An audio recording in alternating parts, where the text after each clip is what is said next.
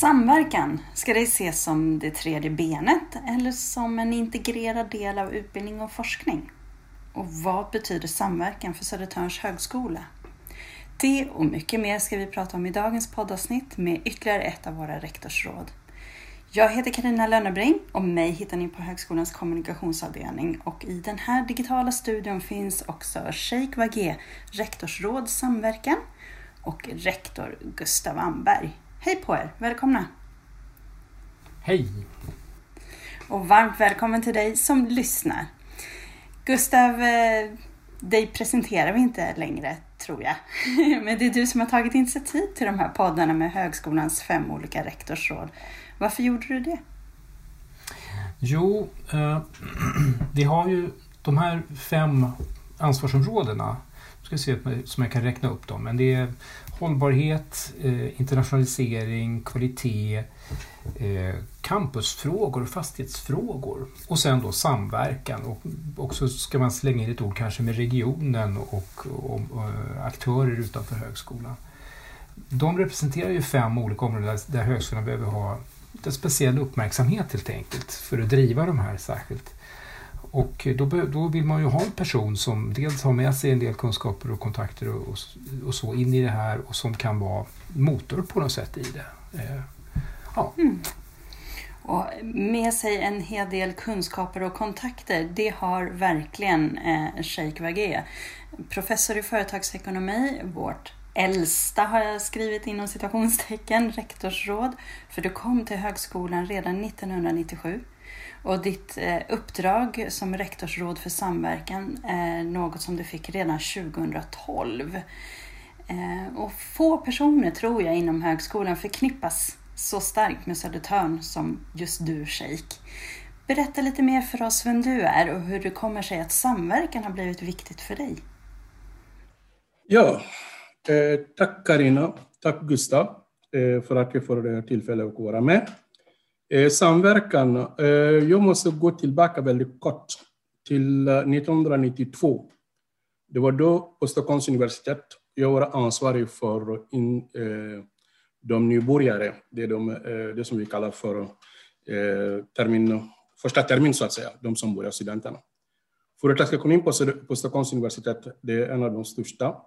Och eh, vi skulle då ta emot 1200 studenter och eh, då har jag då i sam, Eh, diskussionerna med ledningen på, eh, på Stockholms universitet kom ju överens om att eh, på samma sätt som när man söker ett nytt jobb, våra studenter när de kommer till oss, de är också på arbetsplats i tre år.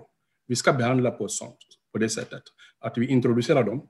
Inte bara introducerar dem fysiskt till området, men också när det är den utbildning som de konfronterar med ämnet och ämnets kontakt i relation till andra ämnen, som det samhällsvetenskapliga ämnen. Och på det sättet att jag startade någonting som kallas för introduktionsvecka med nybörjare med 1200 studenter, eftersom alla de kunde inte samla på Stockholms universitet. Vi har inte Aula Magna som eh, 1993. Då var jag tvungen att börja då, eh, hyra först Cirkus på Djurgården, det finns massor på plats. Och sen har jag också använt Philadelphia kyrkan i Vasastan och Folkets hus och för att samla. Men det som vi har gjort som var intressant, det är att eh, studenterna när de kommer ska läsa ekonomi, då börjar de i kontakt med föreläsare, prominenta föreläsare, gästföreläsare från näringslivet Eh, Börs VD, generaldirektör och liknande, chefekonomerna för olika banker, kreditinstitut och sånt. Men framför allt också professorer. Men ingen professor från företagsekonomi för att börja med, utan professorer från samhällsvetenskapliga fakulteter från Stockholms universitet. Det här var väldigt lyckat. Och sen 1993, eh, Stiftelsen Näringsliv, Högskolan Skolan Syd startade söder om Stockholm vid Huddinge sjukhus eh, högskoleutbildning. Då var det samarbete mellan Stockholms universitet, KI, eh, Huddinge och Botkyrka som var initiativtagare till det, och Stockholms landstinget och tillsammans med Linköping som egentligen har då erfarenheter av eh, tvärvetenskapliga utbildning och utbildningsprogram. Och då startade man tre program. Eh, eh, management med medicinsk teknik, språk, kultur och marknad, management och multimedia. Och de här tre programmen var eh, tvärvetenskapliga till sin karaktär. Men alla de här tre programmen skulle leda till en ekonomiexamen. Och då Gustaf Lindencrona, som var Stockholms universitetsrektor på den tiden gav mig uppdrag att samordna detta. Så jag var redan 1993 på Södertörn, eller Huddinge, Novum och våra samordnare för de här programmen. Och de här programmen har vi haft fram till 1995. När Södertörnsskolan blev högskola 96, då det är de här tre programmen som, med 1300 studenter som, började, som var då utgångspunkten för de utbildningarna som vi har på Stockholm, eh, på Södertörn. Och på det sättet har jag då också kommit i kontakt med det som kallas för då, eh, Södertörn utvecklingscentrum, som var föregångare till eh, den nya då Flensberg, eh, Science. Och eh, Stockholms utvecklingscentrum, det var då Stig Larsson, före detta SJ-VD, generaldirektören, tillsammans med Karin Nord som var ansvarig för det. Jag stannade där. Eh, men det här är min bakgrund, för egentligen det är inte 97 jag började på Södertörn. Jag började få lönen på Södertörn 97. Men eh, när Södertörn började som myndighet 96 redan då, var jag med och utvecklade kurserna, men jag kunde inte ha lön både på Stockholms och Södertörn. Och eh, då blev det så att den delen som Södertörn skulle betala med skjuter skyttade vi framåt och tog det senare som forskningstid. Så gick det till. Jag har ett stort eh, engagemang för studenter och för eh, ja, men samverkansfrågan i närområdet när du pratar. Vad är det som driver dig, Sheikh? Det som driver mig, det är så att eh, jag har förmånen att eh, ha ett ämne som är både teoretiskt men också väldigt mycket praktiskt ekonomi är samhällsvetenskapliga ämnen. På samma sätt som um, eh, de som sysslar med kemi och eh, biologi och så vidare, varje dag de går till um, laboratorium och börjar blanda sina substanser. Eller de som är intresserade av historia, de går till Kungliga biblioteket och börjar bara läser sina böcker och så vidare. Så vidare. Jag har då fått näring och från näringslivet, från politiken, för kontakt med organisationen, med samhället i övrigt och så vidare, med företag. Och det här är väldigt viktigt. Men studenterna gav mig väldigt mycket, lika mycket som mina böcker och mina lärare.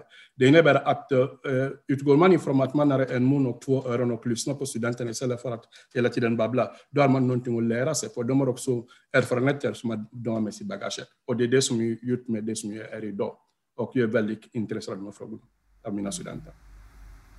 Ja, gott att höra. Det låter som att du har hittat en bra samverkansrektorsråd där, Gustav.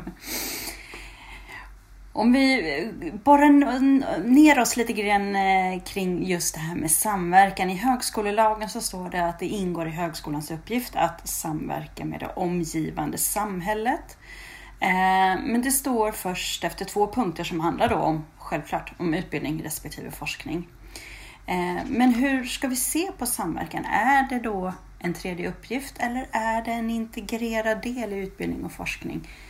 Hur tänker ni kring det här? Gustav börjar. Nej, men det är väl, man får ju säga att om jag tittar på högskolans visionsmening där det står att vi ska bidra till en hållbar samhällsutveckling genom forskning, utbildning, kritiska samtal om vår tids stora frågor. Och det är klart att det kan man inte göra om man inte är i nära kontakt med det samhälle vi pratar om. Och eh, det är väl det som är den självklara utgångspunkten.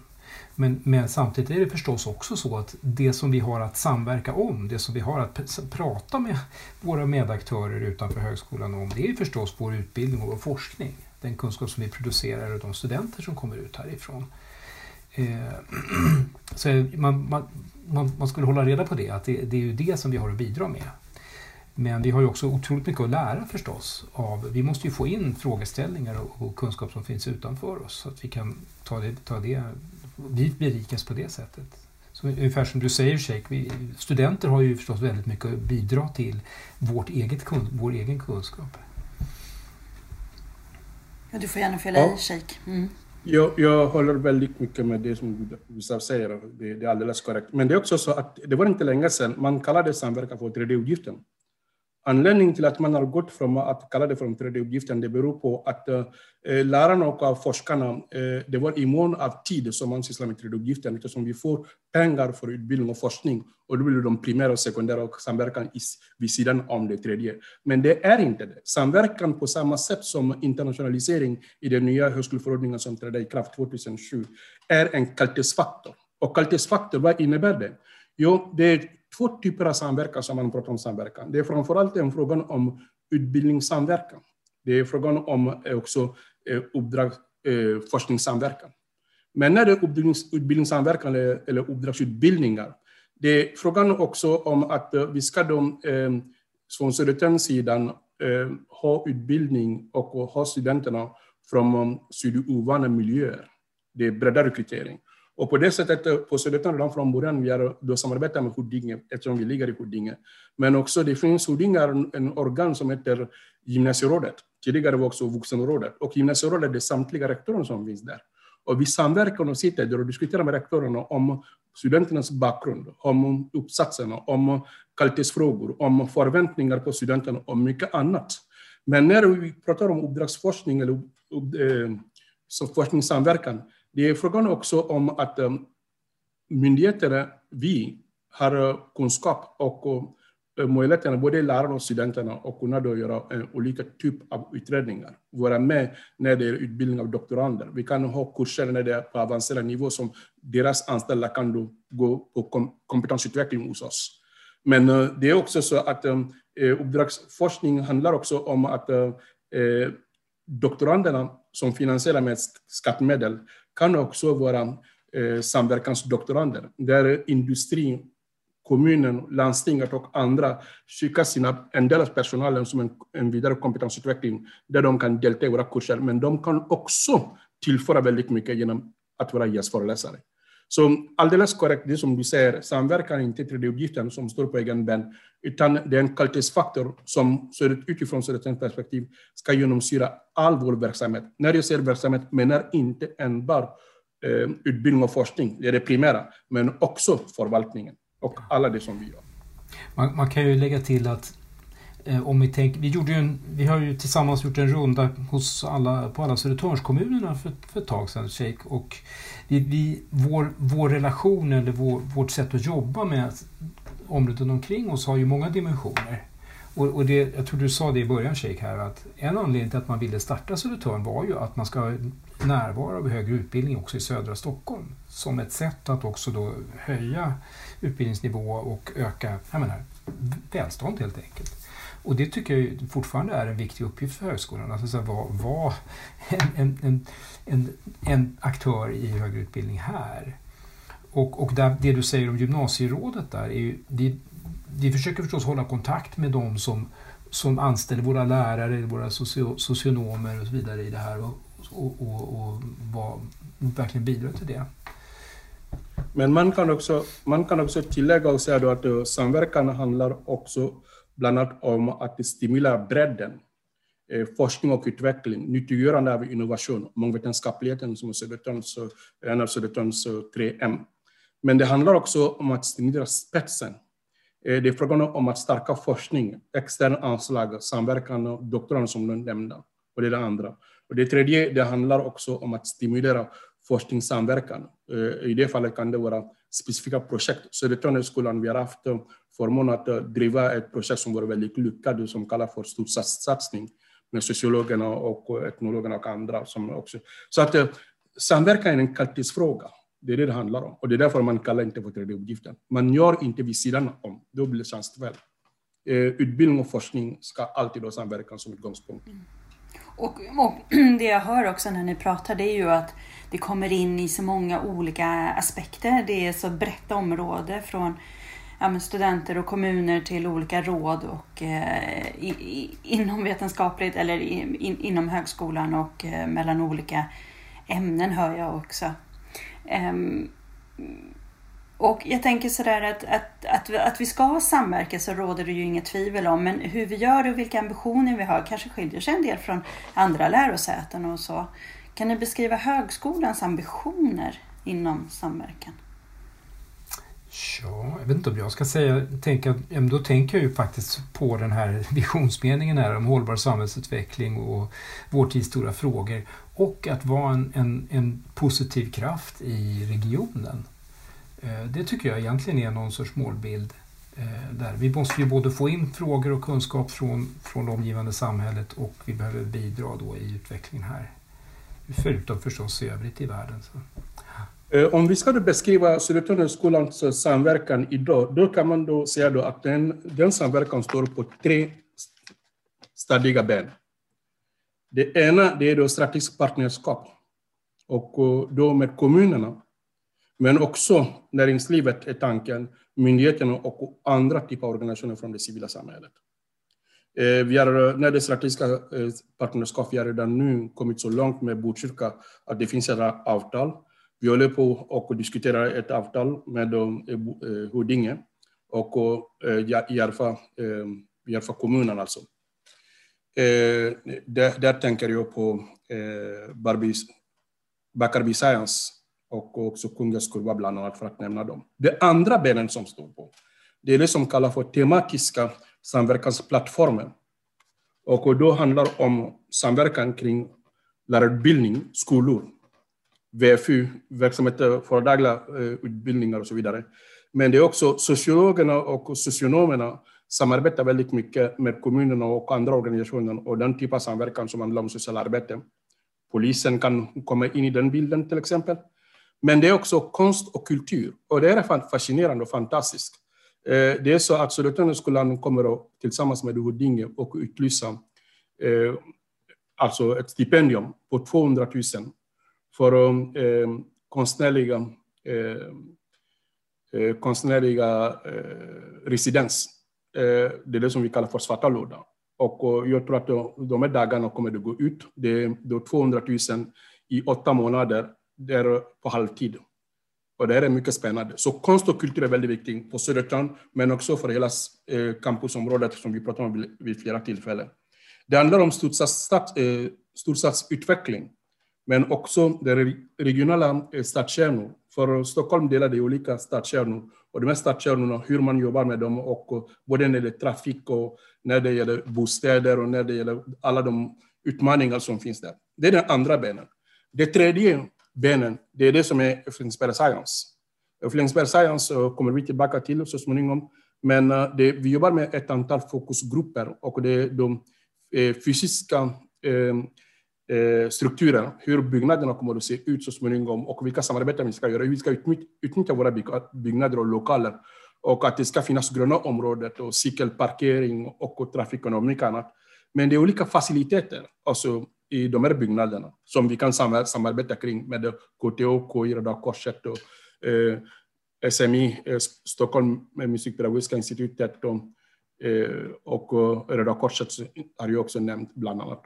Och eh, det är också innovation och entreprenörskap, företagsetablering och andra saker. Så tre benen så Södertörn skulle samverka på. Det ena som jag nämnde, det är strategiskt partnerskap. Det andra, det är tematiska samverkansplattformen. Och det tredje, det är campus Flemingsberg. Så ser det ut idag. Om, eh, tack. Eh, om vi håller oss kvar vid det där första med strategiskt partnerskap. Eh, precis som du sa så, så eh, gick vi in i ett strategiskt partnerskap med Botkyrka kommun eh, i höstas. Och eh, vad jag förstår så är ni långt gångna också med, med Huddinge kommun. Ehm, kan du utveckla varför är det viktigt för högskolan att ha ett strategiskt partnerskap? Jag kanske kan säga något. Alltså, vi tycker att vi bör ha, vi bör vara en aktör så att säga. Vi borde vara intressanta för dem. Och, och de borde vara intressanta för oss. Och, och, som jag tror du beskriver där, det finns ju massor av olika sorters interaktioner som, som ju existerar redan. Men de, de blir lite svåra att fånga in, så att säga. de är lite osynliga. Och eh, vi, vi, skulle säkert kunna göra mycket mer om man, om man gör det där lite mer tydligt. Eh, och eh, i något slutände kunde man väl tänka sig att kommunerna kanske skulle tillsammans kunna ha intresse av, vad kan man gissa, en professor i förskolepedagogik kanske, eller någonting som de skulle kunna hjälpa oss att få till. Va? Så, så det, det, är väl så, det som jag tänker på, men, men Sheikh, du har tänkt mer på det här tror jag. Jo, eh, det, så, det finns en anledning varför Södertörn kallas för Södertörnhögskolan. Det beror på att vi ligger väl ligger geografiskt. Och Södertörn kommun, de är åtta stycken. Men geografiskt, vi ligger i Huddinge på gränsen till Botkyrka. Så vi har väldigt tätt samarbete med Huddinge och Botkyrka. Men de andra sex kommunerna, de har spelat stor roll. Eh, som jag nämnde tidigare, eh, Södertörn utvecklingscentrum med Stig Larsson. Stig Larsson är en person, SJ före detta eh, generaldirektorn, har spelat en mycket avgörande roll i Södertörnsskolans eh, tillblivelse. Alltså. För det är han som bestämde för att Eh, Eh, fjärrtågen och de här tågen ska stanna i Flemingsberg och inte i Älvsjö. Hade han inte fattat det beslutet, då hade situationen varit annorlunda. Men eh, lämna sidospåret, gå till, jag ska gå till huvudspåret. Huvudspåret om samverkan.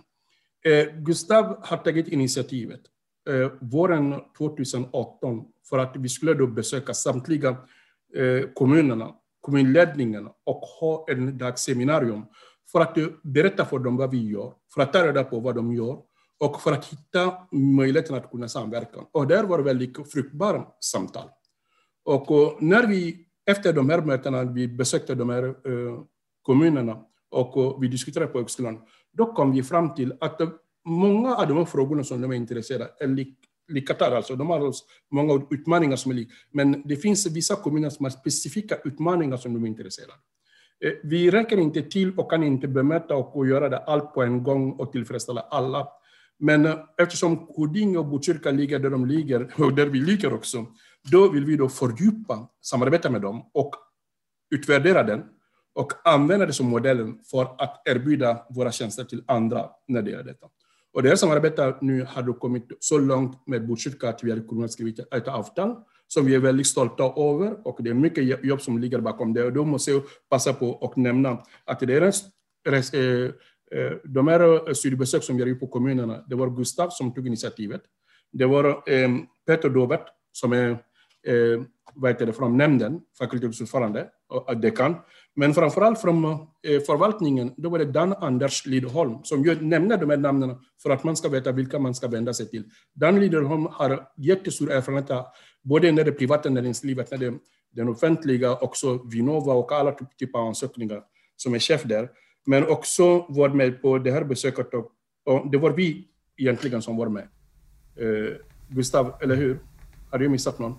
Mm, absolut, absolut, absolut. Nej, det var så. Och, och Dan Anders blir ju lite spindel i nätet här nu. Att, att, att också ta in de här, hålla de här kontakterna, utveckla det, skissa på avtalsförslag till exempel, som, som vi väl nu skulle gärna vilja se fler av.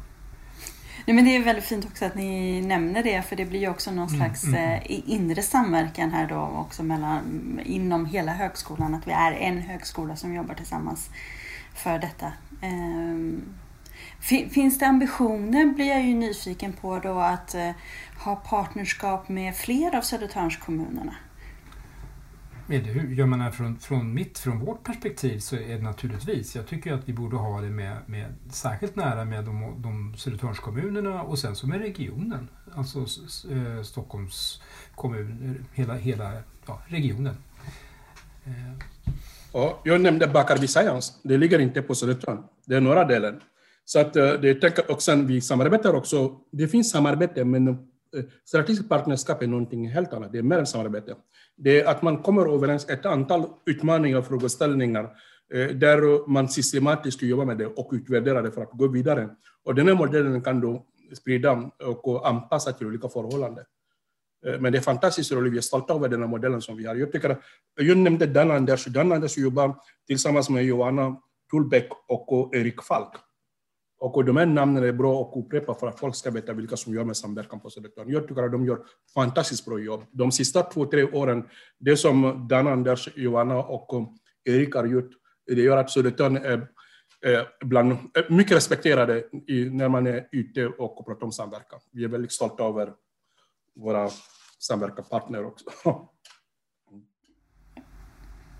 Kul. Eh, jag tror du Gustav också var inne på det här eh, och även du Sheik att eh, du är ju också styrelseledamot i stiftelsen Flemingsberg Science som är ett samarbete mellan högskolan och Stockholms läns landsting, Huddinge kommun, Botkyrka kommun, Karolinska institutet och KTH. Kan du berätta lite mer om stiftelsens uppdrag och din roll där? Ja, stiftelsen den kom 2011. Eh, det är så att um, eh, vi har då ehm, flera högskolor på plats nu. Och, eh, men det är också så att de här högskolorna var och en fungerar som myndighet. Ofta är det så att vi har eh, samma utmaningar eftersom vi jobbar både med utbildning och forskning. Men det är också så att eh, vi samverkar både med kommunerna men inte minst med fastighetsägare och byggherrar och så vidare. Och det är i, i den eh, vevan som man då bestämmer sig för att eh, eh, ha ett, eh, en, en stiftelse och som egentligen i grunden handlar om att initiera processer som inte uppstår spontant. Framförallt när det gäller utveckling av campusområdet med universitetsstaden. Eh, det är frågan också om att inkludera andra intressenter i vårt arbete där man kan då ha systematiskt och kontinuerligt kvalitetsarbete med dem, både när det gäller eh, fastighetsaktörer och företag och organisationer. Ehm, det är så att eh, stiftelsen, vi har haft inriktningen på att se till att campus inte lever sitt eget liv vid sidan av den samhället, omgivande samhället. Utan man tänker ha en eh, vad heter, universitetsstad. Och det innebär att eh, om man tittar närmare på vår verksamhet, vad händer? Vi har i Södertörnhögskolan cirka 11 000 studenter som kommer då och då, deltar i undervisning och sen går därifrån. Vi har cirka 100, 700 eller 800 personer som är anställda, samma sak. Så det är en transportsträcka mellan olika delar till campus och sen försvinner. Vad händer på kvällarna? Eh, affärerna och um, kultur och mycket annat. Det är därför vi vill att campusen ska vara levande. Och biblioteken kan spela en stor roll i det sammanhanget.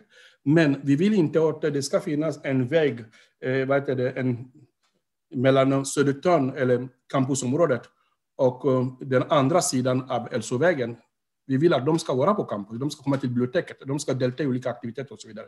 Så hur ska man då göra för att campusen ska, det ska vara levande campus? Det ska vara campus där både studenterna och anställda känner sig. Men vi har också internationella studenter som kommer till Södertörn och forskarna. Vad gör de på helgerna när alla andra försvinner? Och så vidare. Så en levande campus gör att kvalitet, samverkan och det här som vi kallar om mångvetenskaplighet och mångkulturalitet kan, få, kan blomstra på ett sätt som var och en för sig skulle aldrig kunna åstadkomma. Mm. Gemensamma utmaningar för myndigheterna runt campus, eh, säger Sheikh. Gustav, vad är våra stora utmaningar? Gemensamma utmaningar? Mm. ja, jag är nu i... i eh, jag har blivit det finns någonting, jag kommer, Stockholmsregionens kompetensråd är någonting som jag precis har fått någon sorts kallelse till. Där alltså då landshövdingen tror jag egentligen har initierat, det här, Länsstyrelsen. Och, eh, eller ja, Stockholmsregionen. Jag kan säga fel här. Nej, jag tror faktiskt att det är Region, Region Stockholm har initierat detta. Där man ju oroar sig för kompetensförsörjning, att det ska finnas folk som vill jobba i Stockholm och att, att det finns utbildning och, och eh, bra bra förutsättningar helt enkelt.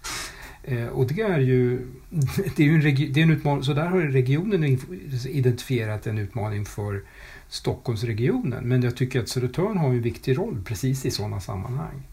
Eh, sen, sen eh, får vi ju fylla en, en vår, vår bit i den kompetensförsörjningen och dessutom göra det inte bara så att säga, fråga vad, vad ska vi leverera för varor utan vi ska ju leverera kvalitet och inom det som vi tycker att eh, är viktigt för oss också. Men eh, ja.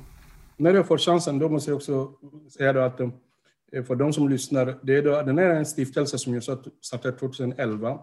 Det är KTH, det är KI, det är Södertörn, det är Röda Korset som ingår i den, också Huddinge och Botkyrka och Stockholm region. Det första ordförande för den här stiftelsen det var Per Unkel som har spelat väldigt mycket när det är Södertörn tillblivelse. Och sen Chris Eisner som har varit ordförande på Södertörn också, som har varit eh, ordförande för den här stiftelsen. Både Per Unkel och Chris Eisner hade gemensamma nämnare att de är inte bara moderatpolitiker, men de är framförallt landsövning för Stockholms läns landsting.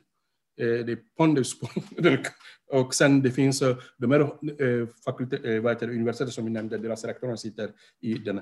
Och nu har vi då Irene Sverus som är finanslandstingsråd eh, som sitter som ordförande. Och det är Gustav som sitter som representant för Södertörn och jag är en bisittare till Gustav Elesel man kan kalla det för ledamot, men det är Gustav som är chefen. Ja. men, men, man kan notera att Irene Svenonius är ordförande i det här och det betyder ju också hur, hur viktig regionen tycker att Flemingsberg är och campusområdet här är. Så. Så, så eh, utmaning för regionen i, i kunskap och um, lärande, utbildning. Um, vad är den största utmaningen när det gäller att ha ett levande campus? Då? Ja, det, det knyter ju an också lite grann till det som är kärnan. Det, här, det ingår förstås också i den här diskussionen men det finns ju också det femte, jag säga, ett, ett rektorsråd som har eh, fastighetsutveckling tror jag vi har kallat det. Eh, det, det sker ju en väldigt massa saker omkring Flemingsberg som ju är en av de här eh, regionala stadskärnorna. Och jag tror, och jag, jag tror absolut att Flemingsberg kommer att se ganska annorlunda ut om tio år. Eh, det kommer att vara mycket mer folk, mycket mer stad, mycket mer liv på många olika sätt. Eh, och eh, där vill ju också högskolan, det, är ju väldigt gynnsamt för högskolan. Det är väl jättebra, jättespännande om det blir ett, ett mer komplett verksamhet där. Jag menar, vad är det, Operan och Dramaten ska ju flytta in sina, öv, sina verkstäder och övningsscen och hur det nu är på andra sidan järnvägen. Och det, bara det kommer ju vara ett jätte, jätteintressant för högskolan. Mm, spännande. Ehm, men Sheikh, finns det någon särskild del inom samverkan som vi inte har hunnit prata om men som du vill lyfta fram i det här sammanhanget?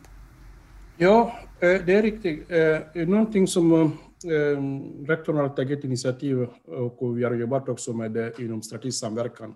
Det är det som kallas för personrörlighet. Det innebär att eh, lärarna på Södertörn och forskarna de kan då söka om medel för att under sex månader tid på 20 procent av arbetstiden eh, vara på eh, någon myndighet, någon organisation och eh, företag. Och jag tycker att det här är väldigt viktigt med samverkan. Fråga alltså. Konstnärliga residens har jag nämnt, Svarta lördag, som jag tycker är väldigt viktig.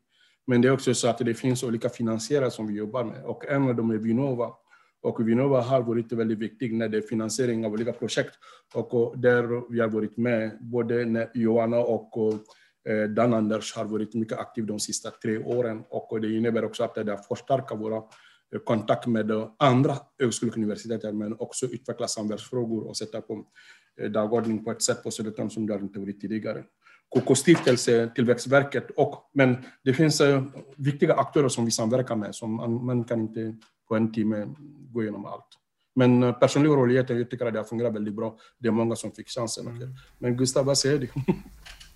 ja, alltså det, det, det var ju en insats där man ganska, för ganska lite pengar egentligen så kunde man frigöra så att, så att ett antal personer tillbringade jag kommer inte ihåg någonting, en dag i veckan eller någon sorts tid på något ställe, någon, någon aktör som, som eh, har något, gör något, något som är intressant så att säga, i sammanhanget. För det tror jag har fört väldigt mycket med sig tillbaka sen. Den, de personer som har gjort det har i många, de flesta fall fått väldigt mycket av det själva och man har skaffat ett nytt nätverk just till någon aktör som man vill ha kontakt med som inte finns inom högskolan eller inom eh, högskolevärlden.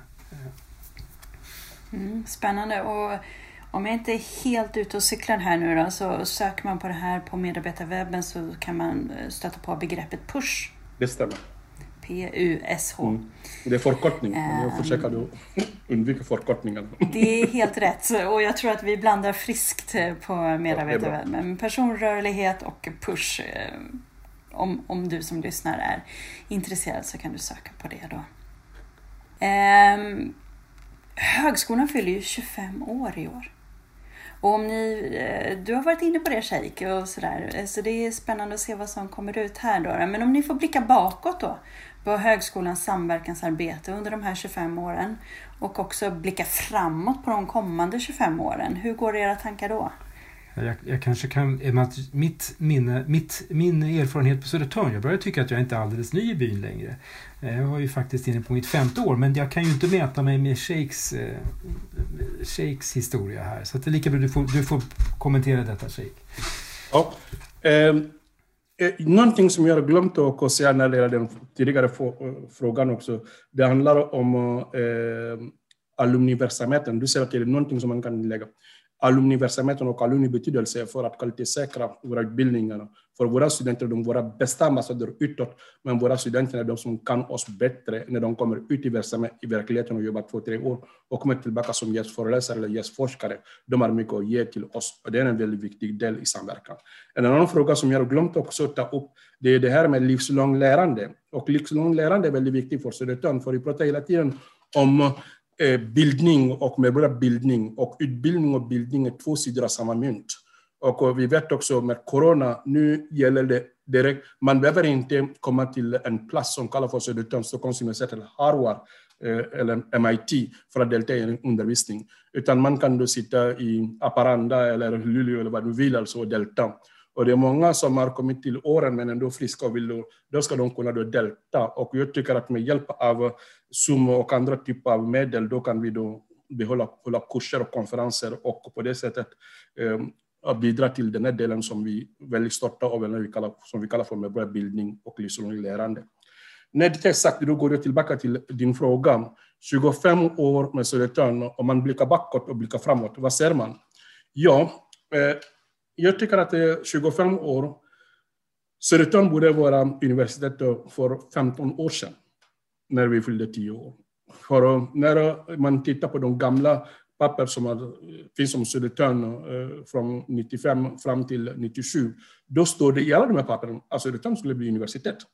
Och eh, det är också så att eh, man har då eh, i samband med tioårsjubileum gjorde en um, eh, studie, vad heter det, en um, utvärdering av Södertörnhögskolan. Och det var då också fyra andra högskolor blev då universitet, Karlstad, eh, Örebro bland annat, och, och de var fyra stycken i alla fall. Och den gruppen forskare som granskade de här fyra högskoleuniversitetet, deras ordförande det var Madeleine Leon Huvet.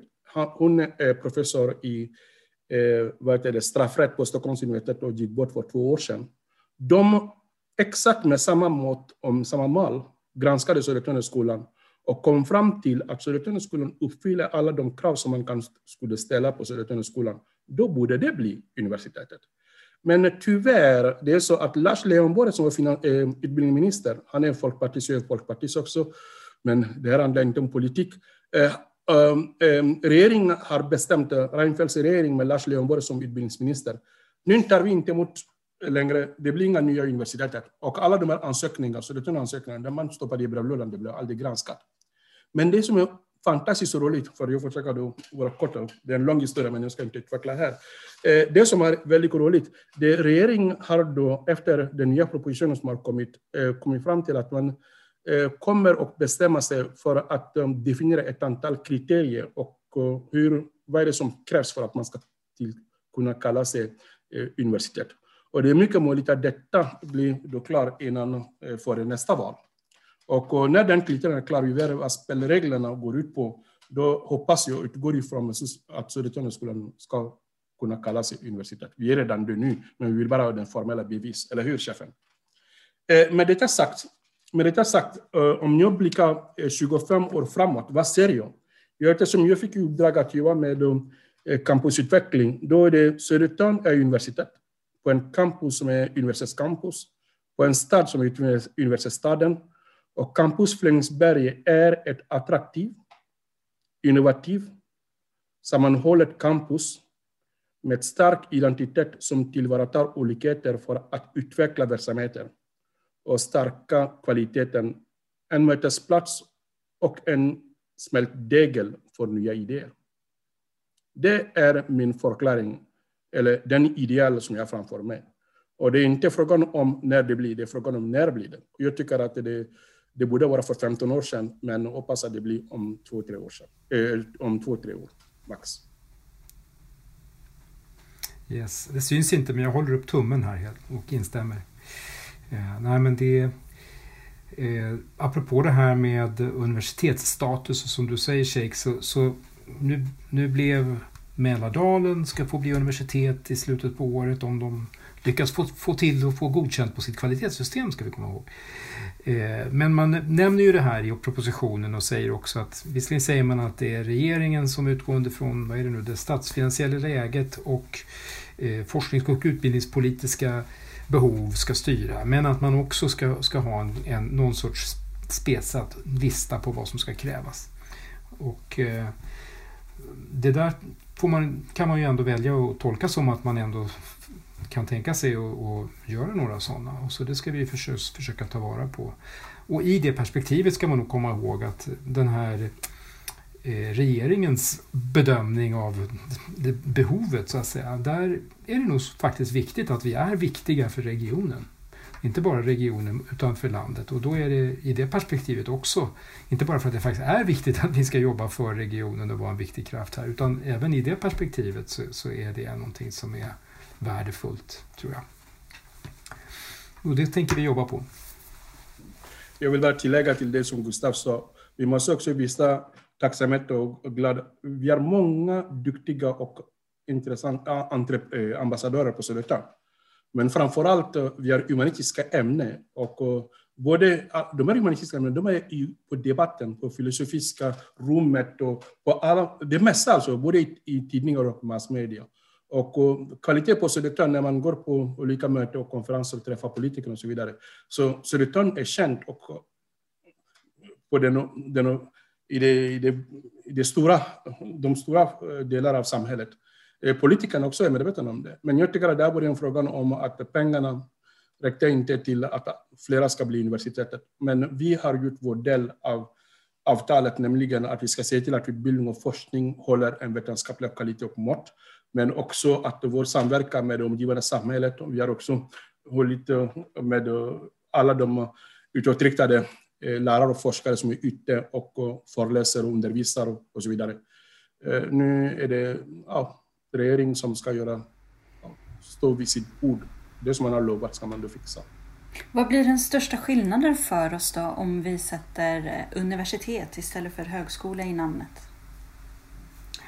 Jag kan säga det, jag brukar tänka att vi, vi, vi anser ju att vi, tittar man på sådana saker som hur våra, vår struktur på vår finansiering och så vidare så liknar det ju de nya universiteten väldigt mycket.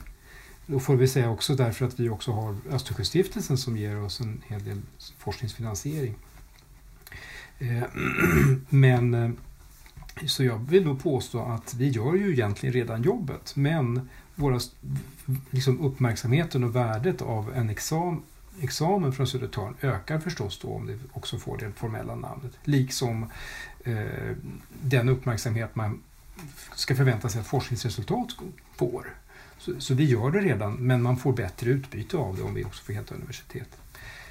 Och, och jag, jag, kan inte låta bli att lägga till den vision som du hade, Shake, eh, på 25 år, men jag vill bara förstärka den och säga att ja, men om 25 år då kanske Stockholm överhuvudtaget ser ut som att det, det, det är inte så att stan har en förort som, tar, som börjar någonstans vid, vid Skanstull utan det, det har liksom uppstått en intressant stadsdel här. Och, och, eh, och, och det, det, är också så att det akademiska landskapet i Stockholm kanske ser ut som att ja, men det finns en nord-syd här där det finns en stark pool söder om stan som är Flemingsberg där, där, där är Södertörns universitet som är den mest uppenbara aktören som också tar, tar tydligare plats även internationellt. Det skulle jag nästan vara förvånad om inte det skulle kunna ha hänt. Att det, det är så man självklart ser på det om 25 år. Det är ganska lång tid i den här branschen. Spännande. Och jag tar med mig också det ni säger med värdet av utbildningen för våra studenter att heta universitet. Eh, det var studenterna som lade in shake på samverkansområdet och det kändes som vi fick en liten fin... 30 år resa. Mm. Så jag tycker att det blir bara spännande för varje år som går. Härligt. Eh, när vi planerade för de här poddsamtalen eh, med er rektorsråd så ville vi få in en fråga Eh, som bollas framåt eh, och vi kallar det för stafettfrågan. Eh, Sheikh, din stafettfråga är från Anna-Maria Jönsson, rektorsråd för kvalitetsfrågor och professor i medie och kommunikationsvetenskap. Hon undrar följande.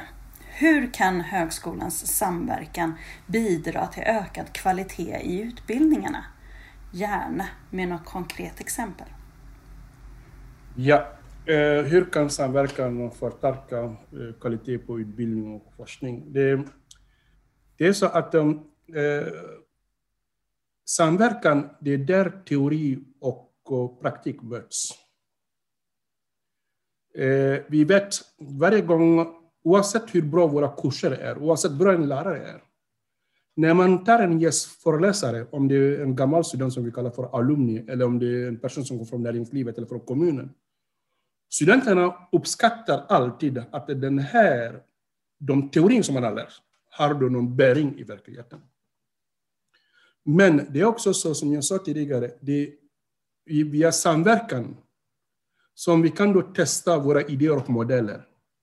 Men också ta med oss tillbaka nya frågeställningar, forskningsfrågor och hitta nya partner som vi kan samverka. Så samverkan som vi nämnde då är kvalitetsfrågan. Eh, den moderna utbildning som vi har inom akademin idag tycker att det finns tre viktiga kvalitetsfrågor som man måste komma ihåg. Det ena är samverkan. Den andra är då internationalisering. Den tredje som man inte direkt med samverkan men som har med vår sätt och det är frågan om hållbarhet. Hållbarhetsfrågor. Men också i grund och botten en aspekt som vi också vill lägga till. Det, det här med Eh, att eh, vi behöver både män och kvinnor och få flera perspektiv. Pratar man om kritiskt tänkande, det innebär att man är tolerant för att eh, den synpunkten, de teorier och modeller som jag har, de räcker inte till för att förklara alla utmaningar som vi har. Om man tacklar ett problem, ett problem från olika perspektiv, både vetenskapligt och så vidare, men inte minst utifrån våra olika bakgrunder, män, kvinnor, unga, gamla och så vidare, då är det så att det är någonting som växer som man inte kan lära sig till genom att läsa böcker. Det gör våra ämnen blir då aktuellt och relevant. Så samverkan gör att um, det är frågan om um, eh, teori och praktiska mötas. Det är frågan om re, eh, aktualitet. Att eh, den, det som kunskap som studenterna lär sig är inte föråldrad, den är aktuella. Och tackla de stora utmaningar som vi har. Det handlar också om relevans. Mm. Hoppas att uh, det räcker. Gustav, vill du fylla i någonting?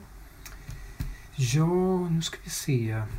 Eh, nej, men det är väl bara att konstatera precis det du säger, Sheik, att vi behöver ju få in impulser och frågor och kunskap utifrån och vi behöver bidra och det, det är det man gör när man samverkar.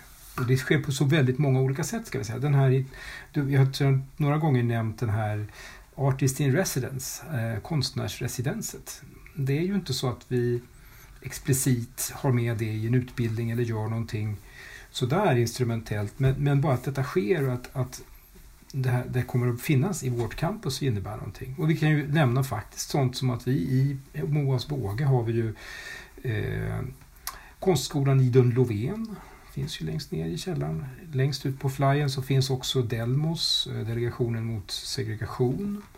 Eh, och så vidare. Det finns många aktörer på campuset som vi, som vi har olika relationer med. Mm. Jag tar med mig här då att samverkan är där teori och praktik möts och ämnen blir aktuella och relevanta. Wow. Stämmer bra. Det jag tar med mig. Och jag låter dessa reflektioner få avsluta eh, dagens poddsamtal. Eh, jag tackar dig, Sheikh Wagé, rektorsråd samverkan och dig, Gustav Wamberg, rektor, för ett intressant och eh, spännande samtal om högskolans samverkansarbete. Ett stort tack också till studenterna Felicia Hovryd och Mikael Jansson som har hanterat det tekniska av denna poddinspelning. Eh, om du som lyssnar har frågor eller funderingar på vårt samtal så är du välkommen att höra av dig på shpodd.sh.se och shpodd i ett ord. Och via medarbetarwebben hittar du också fler avsnitt av SO-podden, inte minst här nu med rektorsråden. Nästa SO-podd med rektorsråd blir med rektorsrådet för fastigheter och utveckling i regionala stadskärnan Flemingsberg, Kerstin Kassel. Vi ses då.